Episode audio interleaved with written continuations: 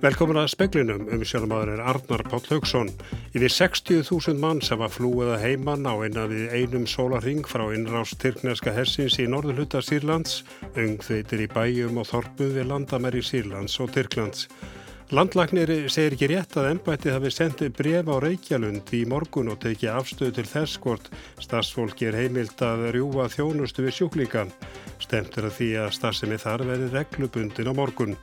Dönsk stjórnvöldu kynntu í dag hertar aðgerðir gegn skipulagri glæpastarsemi og sprengjutilræðum. Lörugla fær meðal annars heimil til að setja upp 300 nýjar eftirliðsmyndavilar við ofinbera byggingar. Og enn er grunnur um mengun í vassbúlu við grábrókarhaun, mæsti til þess að neysluva sé svoðið. Og stendur að því að Max Velum Æslandir veði flóið til spánar í fyrramálið. Yfir 60.000 manns hafa flúið að heiman á eina við einum sólarhing frá innrást Tyrknarska hersins í norðulhuta Sýrlands. Sýrlandska mannréttindavaktinni greindi frá þessi dag. Ungþveitir í bæjum og þorpum við landameri Sýrlands og Tyrklands vegna árása af landi og lofti. Við bæti ströymur flótafólks. Margir koma gangandi aðrir í fólksbílum með pallbílum eða á móturhjólum með það eigum sínum sem þeir gáttu tekið með sér. Nýju mánuða sírlænst barn og fullorðin maður léttu lífið í dag þegar sprengjum var varpað á bæin Akakali, Tyrklandsmægin landamærarna. Á 50 særðust. Þá fjallu tveir almennir borgaræri hér aðinu Martin. Erdogan fórseti Tyrklands segir að yfir 100 bardagamenn og röðum kurda hafi verið feldir. Hernaðar aðgerðir Tyrkja hófust þremur dögum eftir að Donald Trump dró bandariska herliðið frá stöðum sínum á svæði kurda í Sýrlandi. Með því opnaðan fyrir möguleika Tyrkja á að ráðast á kurda. Tyrkir skilgreina hersveitir þeirra sem hriðjuverkamenn. Trump varði ákvörðun sína á fundi með frettamönnum í gær með því meðal annars að kurdar hefðu ekki komið bandalagsþjóðunum til hjálpar í síðari heimstýrjöldinni til dæmis í orustinu um Normandi. They didn't help us in the Second World War, they didn't help us with Normandy as an example, they mentioned names of different battles. Fórsetin sagði að bandaríkjaman hefðu varið gríðarlegum fjárhæðum til styrtar kurdum, séðan fyrir vopnum og skotfærum og reyðufjö, enda væri bandaríkjamönnum vel við kurda. Áskýr Tómasson saði frá og stjórnveldi Noregi samherjar Tyrkja í Allarsvarsmandalæinu tilkynntu sítiðis að allar vopnarsendingar til Tyrklands eru stöðvar vegna innrásarinnar í Sýrland. Bannið gildir einni um allan varning sem Tyrkir kunna hugsalega nýta til hernaðaraðgerða.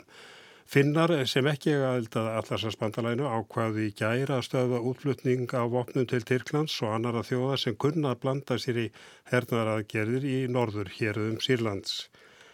Og meirum Sýrland Íslensk stjórnveld hafa formlega gaggrínt ákvörðun Tyrkja að ráðast inn í Sýrland. Birta Björstóttur fjartamaður talaði Guðlaug Þór, Þórðarsson auðvitaðingisáður á sjötta tímarum. Hún spurði hvort ákvörðun Tyrkja ætti eftir að breyta einhverju samskiptum Íslands og Tyrklands. Já, við höfum uh, auðvitað gaggrínt mjög uh, framferði Tyrkja ekki bara hvað þetta var, heldur sömulegist þegar það kemur á margætningum. Uh, og við hefum gert það á, á vettnungi uh, mannættar á saminuðu þjóðuna á ÖSI og, og á, á fleiri, fleiri stöðum þannig að þeim er alveg fullkunnutt um afstöðu okkar Hvað með samskiptum við bandaríkin? Ákverðum bandaríkja fórsett að draga bandaríkja hér út úr Sýrlandi áður en að Tyrkilátti skara skriða eru bandaríkja menn áreiðanlegir bandamenn? Þeir hafa nú verið mjög áræðinlegi bandamenn uh, í ára, ára tugi og uh, hafa svo sannarlega verið það á vettvondi allarsins bandalagsins og uh, við sjáum það að bæði þessa einhlega aðgerðir Tyrkja eru harlega gaggrindar í bandaríkjónum og sömu leiðis er mikla deilur um, um framgöngu fórsetans í þessu. Þannig að það er bara eitthvað sem er á svipu nótum eins og við sjáum í þeim ríkjum sem eru í ætlarsbandalæginu og eru, eru utan þessi í Evrópa. Segir Guðlur Þór Þórðarsson. Ekki er enn ljóst eh, hvernig stassimi verður háttað á Reykjalundi á morgun en stendur því að óbreytu að dagskrá verði hefbundin. Landlagnir segir ekki rétt að ennbættið hafi sendt bref á Reykjalund.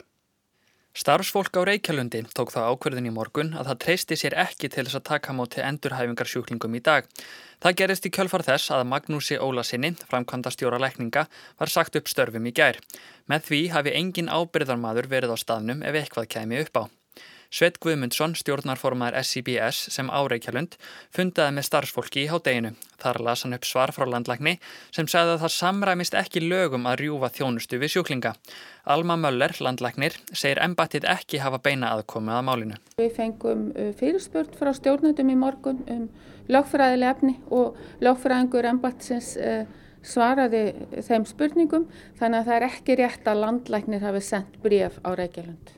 Starfsfólk Reykjalundar skoraði í dag og heilbreyðisráð þeirra að beita sér í málinu. Alma segir að það sé ekki landlæknisembættið sem geti sagt til um það hvort starfsfólk geti rofið þjónustu við sjúklinga. Og sko, ef það er þannig að starfsfólki líður mjög illa þannig að telja sig ekki geta synd störfum sínum þar, þá höfum við þetta skilning á því en það er alveg ljóst að við svo má ekki búið standa í, í fleiri daga. Saði Alma Möller. Andri Irkil Valssonu tók saman. Hérastómar Reykjavíkur vísaði dag frá dómi kröfu eimskips um að rannsóknar samkeppnis eftirlitsins á meintu samráði eimskips og samskipan verði úrskurðu ólagmætt og að henni verði hætt. Dómstólinn hafnaði hins vegar kröfu samkeppnis eftirlitsins um að vísa frá dómi kröfu eimskips um að stofnurinn verði, verði að eigða afritum af gögnum sem hún sapnaði í húsleiti í höfustöðum flutningafélagsins. Grunnur um ekólimengun í Vassbóli í Grábrókarhaunni hefur vaknað öðru sinna á sjö dögum. Mælsti til þess að neyslu vatni sé svoðið þar til í næstu vikum þegar nýri lýsingar búnaður kemst í gagnið. Um 2500 íbúar í Borgarnesi, Bifröst, Varmalandi og Nágrenni stóla á Vassbólið í Grábrókarhaunni. Það er til viðbótar við fólk sem dvelur í sumarhúsum og annað fólk á ferð. Eiríkur Hjálmarsson frá Veitum segir að von sé á nýjum lýsingabúnaði. Með honum fara líkur á gerlum í vatni þverrandi. Og uh, hann verður komin upp í næstu viku en uh, við ráðum íbúum en dreigir að sjóða vart hanga til. Vassbólið í Grábargarhraunni er það alla jafna ekki viðkvæmt fyrir gerlamengun og því óvenjulegt að grunur vakni aftur með svo skömmu millibili. Grunurinn sem vaknaði í síðustu viku reyndist ekki á rögum reistur en staðfesting hefur ekki fengist að þessu sinni grunin verður alltaf að taka alvarlega. Þetta er neysluvatn og uh, alltaf fólk sem við hefum haft samband við til þess að vara sérstaklega við, það er svona viðkvæmi lótendur, þau hafa sínt þessu skilning og, og, og átt að svo öll á því að í þessu bernum er öryggiður öll. Þanga til búnaðurinn er komin upp er nöðsynlegt að bullsjóða allt neysluvatn í mínútu áður en þess er neitt. Börn og gamalt fólk eru sérstaklega viðkvæm fyrir gerlamengun. Elsa Maria Guðlaug Strífudóttir talaði við Eirík Hjálmásson. Týjir almennara borgara fjallu í loftárásum bandarækjamanna á fíknefnaversmiður í vestulhuta Afganistans í mæ á þessu ári. Þetta kemur fram í skýstu rannsóknanemdar saminuð þjóðana um atbyrðina. Framkemur í skýslunni að bandarækjaman hafi 5. mæ sendt flugvilar til að varpa sprengjum á versmiður í héröðunum Farra og Nimros þar sem framleitt hafi verið fíknefni. Að minnstakosti 30 almennir borgara hafi fallið í árásunum þar á meðal börn. Skýslu höfundar segjast hafa fengið trúverðugar heimildir um að alltaf 30 til viðbótar hafi fallið og að verið sé að rannsaka málið. Þá segja þeirra að þar sem þau mannverki sem sprengt voru hafi verið í eigu glæpamanna þá teljist þau ekki hernaðleg skotmörk sangkvæmt alþjóða lögum. Bandaríkja herr gaggrín í skýsluna og segir að sprengjum hafi verið varpað af ítrustun ákvæmni til að takmarka manntjón. Í umrætum versmiðum hafi verið framleitt með amfetamin. Þær hafi verið reknar af talibönum til að fjármagna herna þeirra í Afganistan. Kristján Róbert Kristjánsson saði frá. Tveimur uh, Max-vélum Æslandir verður flóið til spánar í fyrramáli svo framalega sem veðurskiliði eru í lægi. Þetta staðfestir ástís Íri Pétustóttir upplýsingafullur og Æslandir. Þetta var ákveð í dag. Markmiðið er að geima vélarnar þar sem uh, skára veður er. Rigning og selta hefur slæm áhrif á þær. Vélarnar hafa staði óhrifðar á Keflavíkuflugvelli allt frá því mars með miljardatilkostnaði fyrir Æslandir.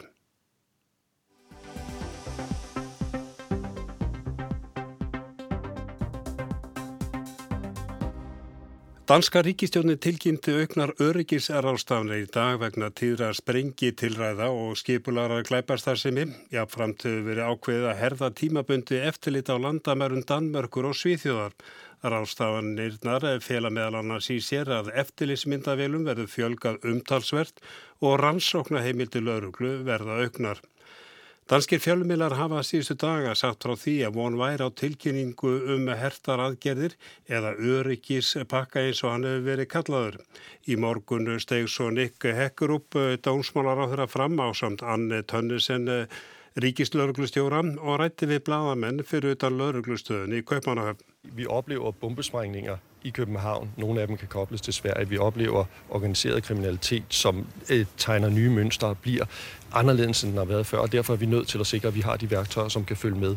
Við höfum orðið vitnað sprengingum í Kaupmannahöfn og nokkrar þeirra tengjast Svíþjóð, saði Hekkurup. Þá höfum við orðið verfið að nýjum aðferðum er beitt við skipulaða glæpastarsemi.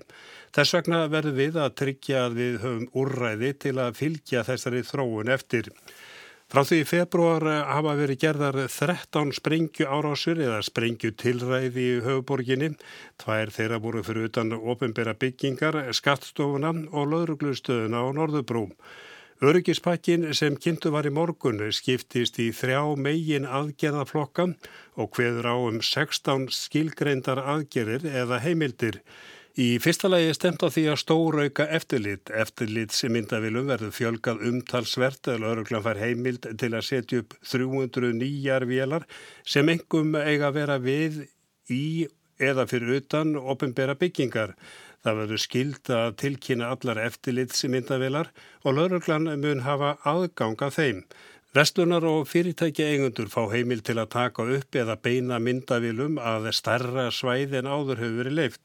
Þá verða auknar heimildi til að koma fyrir bílnúmera skönnum, lauruglan fær leifi til að koma fyrir 112 slíkum skönnum og fær líka 20 færanlega skannan. Þá fær lauruglan að kaupa nýja og fleiri drónan. Yfirlistur tilgangur þessar aðgerðan er að tryggja öryggi íbúa í kaupmanöfn og víðar. Í öðru lagi eru bóðar aðgerði sem eiga auka heimildi lauruglu til að rannsaka málið að taka á þeim möguleika laurugl til símlerana verða auknar og einnig til að gera húsleitir. Lauruglan verður styrt til að skrá öll glæpagengi og það er ekki að ástaflausu sem verður að herða tökinn á fyrstu sjö mánu þessa árs voru 180 gengja meðlimir dæmdir í samtals 250 ára fangilsi fyrir að hafa brotið 845 lagagreinar. Í þriðalagi verða heimildi lauruglu til að bregðast við sprengja árásum auknar. Ákvæður um að líti verða sprengingar við ofinbera byggingar sem árás á ríkið. Refsiramin verður hertur, hann er nú 12 ára fangilsi en verður 18 ár. Refsingar verða hertar ef menn verða uppvísir að því að vera með ólögleg sprengjefni. Þeir geta átt yfir höfður sér fjögur ára fangilsi. Hundum sem geta þefa upp sprengjefni verður fjölgað. Lauruglan fær 29 slíka hunda og heimildi lauruglu til að nota internetið verða auknar vegna rannsókna á sprengitilræðum og vopnabörði. En það sem kannski veku mesta aðtegli er að dönsk stjórnvöld hafa ákveð að koma á tímabundnu landamarættiliti millir Svíþjóður og Danmerkur. Sjengen er reglu hveð áum að það sé heimild en fara þar með ákvörununa fyrir framkvæmdastjórn ESB. Danir koma á tímabundum landamæraeftiliti millir Þýskalands og Danmerkur í janúar 2016. Það stendur enn og ákveðu verið að framlengja það um hálft ár. Svíjar ákvaða herða eftirlit á landamæru Svíþjóður og Danmörkur í nógumber 2015. Það er enn við líði og beinist að þeim sem koma frá Danmörku til Svíþjóðar. Sænski landamæra verði geta krafi fólkum að sína skilríki við komuna. Svíjar tóku þessa ákvörun til að spórna við ströymi flóttamanna frá Danmörku til Svíþjóðar. Nú er það Danir sem ætlaði að krefja skiliríkja frá þeim sem koma frá Svíþjóð. Það helgast að því að grunur er um að Svíjar tengist hinn um tíðu sprengjutilræðum, glæpastassimi og hróttalegu morðum á götu út í bænum Herlef. Það er ekki þannig að Svíjar og Danir séu komnir í hár saman því samfara þessum aðgerðum er bóðu meiri samveina lauruglu á í báðu löndunum. Komi verður upp sérstakri miðstöð sem á að sinna þessu og megin tilgangurinn er að berjast gegn skipulari glæpastarsemi. Landamærættilita hálfu dana verður á öllum samgönguleiðum til Svíþjóðar. Danska ríkisútvarpir segir að það verð ekki viðvarandi eða alla daga. Landamæraverðir munu mæta á hver stað svo sem er tvísvar í vikum eða svo og taka stikkbrúfur.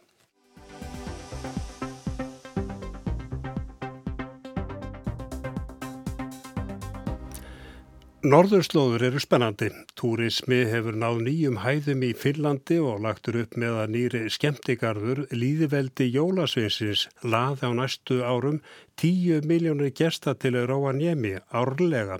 Mikil aukning hefur orðið í komum skemmtifæraskipa til Svalbarða og rússar sjá tækifæri að byggja upp ferðarþjónustu á Frans Jósefs landi. Met fjöldi ferðamanna sótti Finnland heim í fyrra 6,8 miljónir. Örastur er vöxturinn í vetrartúrisma. Finnar hafa lengi haldiði fram að Rovaniemi sé heimabær Jólasveinsins. Ferðarþjónustu fyrirtækja á Laplandi gera út á það og í desember mánuði ár hvert koma 2000 ferðamanna flestir fljúandi frá öðrum Európaríkjum til að skoða þorp Jólasveinsins, vaða snjó og freysta þess að sjá norðurljós. Þetta er allt voða krútlegt en nú stendur til að hefja ferðarþjónustuna í heimabæ Jólasveinsins upp á annað stig. Skamt frá Rovaniemi á að rýsa nyrsti skemmtigarður heims. Alþjóðlegir fjárfestar og finnst ríkisfyrirtæki sem hefur umsjón með ríkislóðum undirrituði í sumar viljaeyfylýsingu um leigu á landsvæði undir skemmtigarðin til 50 ára. Í líðveldi Jólasveinsins á meðal annars að rýsa jólatrésalaga hótel, sánuþorp og risastór glerkvelving þar sem snjóar allt árið. Í umfjöllun Barents Observer, sjálfstæðs fjölmiðil sem sér hefur sig í há norrænum tíðendum, kemur fram að fjárfestingin sé upp á um miljard evra. Það sé gert ráð fyrir 10.000 starfsmönnum og 10 miljónum gesta ár hvert. 10 miljónir gesta í stað þeirra 90.000 sem heimsækja jólaþorpið í Rovaniemi nú árlega. Hvað er á bakvið þessi svakalegu áform? Þessu svaraði Grein Barents Observer Snjór, kuldi og náttúra heimskautasvæðina er við það að verða eitt heitasta trendið í ferðarþjónustu í heiminum, hefur á sér exotískan og spennandi blæ.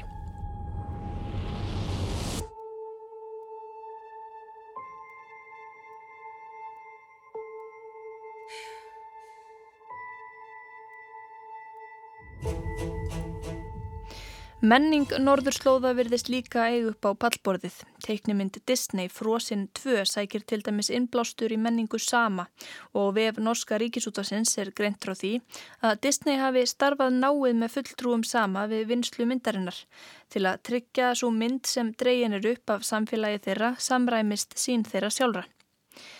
Meðalhiti á jörðinni hækkar og á norðurslóðum er hlínunin meiri. Frá árinu 1970 hefur meðalhiti á Svalbardha hækkað um fjórar gráður. Eijaklassin er orðin aðgengilegri og það hafa skemmtiferðarskip og leiðangurskip nýtt sér. Leiðangurskipin eru ólík skemmtiferðarskipum að því leitaðu taka færri farþega, þó sum beri vel nokkur hundruð. Þau eru minni, komast nær landi, inn þrengri fyrði og þau hlaupa farþegum ekki bara í landi hefðbunnum höfnum. Þeir fó líka sigla í land hér og þar á litlum bátum, sótiökum og kanna ópið svæði eða þorp sem hinga til hafa verið utan seilingar. Ferðarþjónustu fyrirtæki keppast raunar um að finna auð óspilt svæði þar sem hægt er að fara í land. Í fyrra komum 66.000 ferðamenn sjóleðina til Svalbardha en þar búa tefnilega 3.000 manns.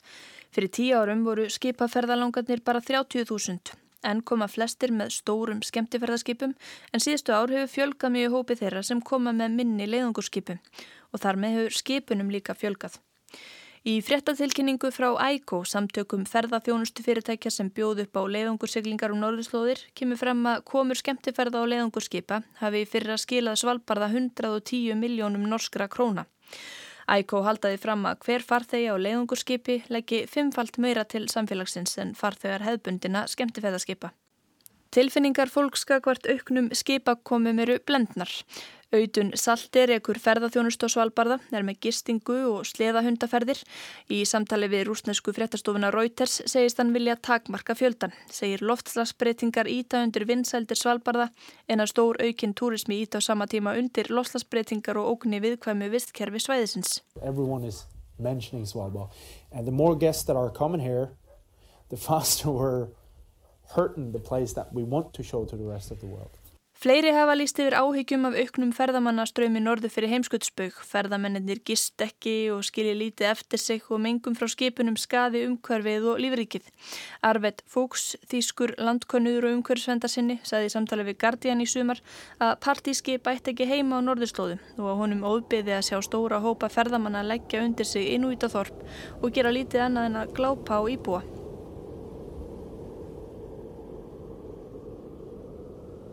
Rússar vil ekki fara varhluta af nýjum tækifærum. Fólk þyrstir í eitthvað einstakt, sterkar tilfinningar, dýralífið, heiðan heiminn, er haft eftir aðstóðar forstjóra Rostúrism, ferðamála stopnuna rúsa. Á VF Barents Observer er greint frá nýri gestastofu á Gúker-eyju, stærstu eyju Frans Jósefslands, afskekts eyjaklasa sem tilherir Arkangelsk fylki og er nokkuð austur á Svalbardha. Sovjeskir landkunniður kom upp rannsóknarsetri á Gúker-eyju árið 1929 og margir heimskutafarar hafa síðan haftar viðkomu og nú, 90 árum síðar, geta æfintýragjarnir ferðamenn sem hafa nógu millir handana komið ángað og kynnt sér söguna. Seks byggingar hafa fengið yfirhalningu og tilstendur að byggja hótel þarna í auðninni. Aleksandr Kirillov, þjóðgarsvörður, saði samtali við Barents Observer að vinsældir heimskautasvæðina jíkjust sífælt og því væri nöðsynlegt að byggja upp innviði sem löðuð fólk að. Hann segir að í dag velji ferðamenn að fara til Íslands eða Svalbardha en með því að greiður ymsum flækjum geti Frans Jósefsland orðið raunhæfur kostur og sömleiðis annar eijaklassi sem tilherir þjóðgarðinum, Novaja Semlja. Fyrir árunu lístu yfirvöld þar yfir neyðarástandi eftir að svangir kvítabirnir tóku aðal þjættbílis kjarnan hálpartin í gíslingu. Í dag þurfa skipin að sigla allalið til Múrmannsk og fá tollafgreslu áður en þau með að koma í landa á Frans Jósefslandi og það krefst þess að þau leggja á sig þryggja daga auka siglingu. Kýrlof vil að skipin fái undan þáu og komi verð upp eftirlit stöð á Frans Jósefslandi þannig að ferðamenn getur fengið tímabundi leifi til að fara yfir rúsnesku landamærin. Þannig getur skipin sem nú flytja þúsundir til Svalbardha einni haft viðkomu á Frans Jósefslandi. Í umfjöldun Breska blaðsins Guardian kemur fram að farþegum skemmtifærðarskipa hafi snar fjölgað á síðustu tíu árum. Árið 2009 sildu 11 miljónir um heimsins höf með slíkum skipum. Í fyrra voru farþegatir 28,5 miljónir, rosknir, þjóðverjar og breytar áberandi þessum hópi. Skipin geta nú silt um allt eða því sem næst og það er útlitt fyrir að ekkert látverð á vextinum í bráð. Nú eru 124 skip í smíðum, sum sérstaklega smíðu til að sigla um norðurslóðir, ramgerð og geta kannan enn afskeittari svæði en áður. Það er ævintýra þráin sem tógar en líka það að fá að virða þessi svæði fyrir sér áður en í sem bráðnar, grípa síðasta sjansin. Sumir tala um heimsenda túrisma í þessu samengi. Það eru tækifæri en líka áhyggjöfni tengt áhrifum á viðkvæm samfélag og lifnarætti þeirra, áhrifum á lífriki, lofslag og svo öryggi farþega á sí afskettari slóðum. En eitt er ljóst, norðrið er í sókn og fleir en Elsa í frósen ætla kannan í lönd. Elsa past is not what it seems. You must find the truth. Go north, across the enchanted lands, and into the unknown. Og það var Arnildur og Haldunadóttir sem að tók þennan pistil saman. Í dag var haldinn langbúðar fundur þegar Leo var Adgars fórsættistarðara Íra og Boris Johnson fórsættistarðara Bretta. Talað var um að þetta væri síðasta tilraun til að ná saman um útgöngu Bretta með samningi. Bæði var Adgar og Michel Barnier, aðal samningamadur ESB, virtust efast um að það stemdi í samningin eftir fund Íska og Breska fórsættistarðaráðarans í dag byrtu þeirri samiðilega yfirlýsingum að þeir sæju leiða mögulegum samningi og Sigrun Davíðsdóttir er komin hingað, þú hefur verið að fylgjast með framvindun í dag. Var þetta ykkur vendipunktur? Við vitum svo sem ekki nóg mikið í smáatriðum hvaða nákvæmlega rætt en það er allavega ljóst að ef markam á yfirlýsingu fundarins þá telja fórsatsaðrætni tveir möguleika á samning. Boris Johnson hefur látið mjög líklega um samning en það hefur Leo Varadkar fórsatsaðra Íra alls ekki gert. Þannig að það hlýtur eitthvað að komið fram þarna á fundunum sem blés var atkar þessa bjart sín í brjóst og hann telur núna mögulegt að breytar náðu samningi við Evropasambandið um útgöngu sem komið þá í staðin fyrir samning Theresa May fyrirrandi fórsatsræðra þennan samning hennar sem var feldur þrísvar í þinginu og það var auðvitað saga til næsta bæjar. En þá er spurt, já hver er eiginlega staða núna? Já, kannski fyrst og fremst þetta. Í staðin fyrir að menn heldu að þessi fundur yrði endir viðræðna þá ætla menn að halda áfram að tala saman.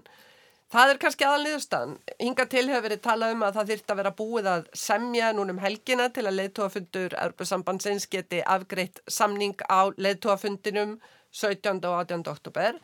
Núna nefndi var aðkarrindar að það væri enn raunsær möguleiki að semja fyrir lok oktober hugsaðlega var hann þarna kannski að tegja þetta tímaferli sem væri þá aðdilsvert og svo þetta að Breska þingið á að koma sama lögadaginn 19. oktober sem er algjör undantekning, þingið hittist aldrei, á, eða þingið kemur aldrei saman á lögadögum, það hefur ekki gert síðan einhver tíman á uh, nýjunda áratögnum. En hvert er hlutur þingsins eða hvað á það að gera eftir leitofundin? Er það lægi fyrir samningur þá er þann borin undir þingið en í ljósi fyrri erfileika er auðvitað ekki auðsætt að þingið samþykki nýjan samning uh, sem getur tæplega kannski verið frábröðin þessum þrýfelda samningi mei. Ef það er engin samningur þá líka fyrir svo kalluð bennlög sem skilda fórsatsráðara til að byggja Evropasambandið um útgöngufrest til 31. januar. En Bóris hefur slegið úr og í um hvort hann ætla að fara að þessu lögum eða hvað? Já, helsta herbræð fórsætsræðra hefur verið þetta að sá óvissu um hvað hann hyggist fyrir. Auðvitað fylgjan lögum, auðvitað ætlan úr Evropasambandinu í lokmánarins og þá án samnings ef ekki við betur. En þar sem þetta tvent stangast á þá hlýtur hann að vera að spá í einhver undan brauð En eins og uh, Jeremy Corbyn leiðtói verkamannaflokksins sagði í ávarp í dag þá treystir stjórnarnanstaðin ekki fórsatsraðra og telur hann bruka einhver launráð sem að engin veit samt hver eru. En hvað vitu við, uh, hvernig standa samringa viðraðunar nákvæmlega núna? Það er aftur þetta, við vitum ekki nákvæmlega hvað var rætt í dag uh, og því er rækilega haldið lindu og, og það er með ráðum gert. Við vitum samt svona nokkurt veginn hvað ber á milli, það er áfram þessi írskalust. Boris Johnson vil hvorki tollabandalag nýja innri markaðinn, fara, breytar fari úr hvortvekju, en hann býður innri markað, það er sameiglega reglur um yðnaðvörur og matvæli og þú veitni landbúnaðvörur. Og svo vill hann að norðuríska þingið í Stormont eh, samþykji væntalega samning alveg sérstaklega og þetta þing sem ekki hefur setið í nokkur ár og engar horfur á að það sé að fara að koma saman. Þannig að eh, fyrri lausnin, hún leysir ekki landamörlustnina og svo setni býr til nýja hindrun, þetta með Stormont og þetta hefur staði verulega í Varadkar og svo Europasambandinu. En það hvílir leindi yfir þessu en það verist vera að þeir eigi að lausna. Já, en upplýsa ekki hver hún er. Taktík Boris Johnson er alltaf þetta að vera rosalega bjart sín. Það er kannski meira marka að Varadkar skildi, jákvæður, uh, skildi vera svona jákvæður um laust. Fundurinn er ljóslega, eða þykir ljóslega hafa verið uppbyggilegri og andin vinsamlegri en búistar við og það er auðvitað eitthvað, það er ákveðin árangur. En eftir sem aður og vitandi hvað ber á milli þá er erfitt að sjá að það verið samningur en og, ef svo færi þá þarf breska þingið að samþykja nýjan samning. Það er eftir sem áður lítið tröst á Boris Johnson, hann er grunar um græsku bæði eigin flokki utan og nú er að sjá hvort hann getur staðið við lovorðin um samning sem hann viðra stöðugt um að sé mögulegur þó hann heiki ekki við útgöngu án samnings en aftur þetta er aðtiklisvert að Varadkar skuli svona bjart síðan eftir fundin. Sigrun Davidsdóttir, þakka þér fyrir en stuttspurning, eh, já, viltu ekki fara að sjá fyrir endan á þessu? Ég held að allir sem búa í Brellandi vilji fara að sjá fyrir endan og vilji gætna fara að ræða eitthvað annað en það er bara langar horfur á að það verði og ég held að við hefum eftir að ræða Brexit um mörg og komin ár. Takk, takk. Og við sögðum helst frá því í speiklunum að yfir 60.000 manns hafa flúið að heiman á innan við einum sólaring frá innrást tísnerska hersins í norðurhutta Sýrlands, öngþveitir í bæjum og þorpum við landamæri Sýrlands og Tyrklands. Landlæknir segir ekki rétt að ennbætti hafi sendið bref á Reykjalundi í morgun og tekið afstöð til þess hvort starfsfólk er heimilt að rjúa þjónustu við sjúklinga. Stendur því að starfsemi þar verði reglubundin á morgun. Dönsk stjórnvöldi kynntu í dag hertar aðgeði gegn skipulari klæparstarfsemi og sprengjutilræðum. Lörgan fær meðal annars heimil til að setja upp 300 nýjar eftirliðsmyndavilar við ofinberar byggingar. En er grunnur um mengun í vassbólu við grábrókarhraun mælsti til þess að neyslu vatni sé svoðið. Aðeins og veðrið, veðrið norðaustan er 10-80 metrar á sekundu og 15-20 norðvestan til en hægari söðaustalands við að regning talsverð úrkomu landi norðaustanvert og snjókoma til fjalla en þurft að á söðulandi dregur vindu og úrkomi í nótt. Norðaustan 8-13 um hátegin en hægir annað kvöld.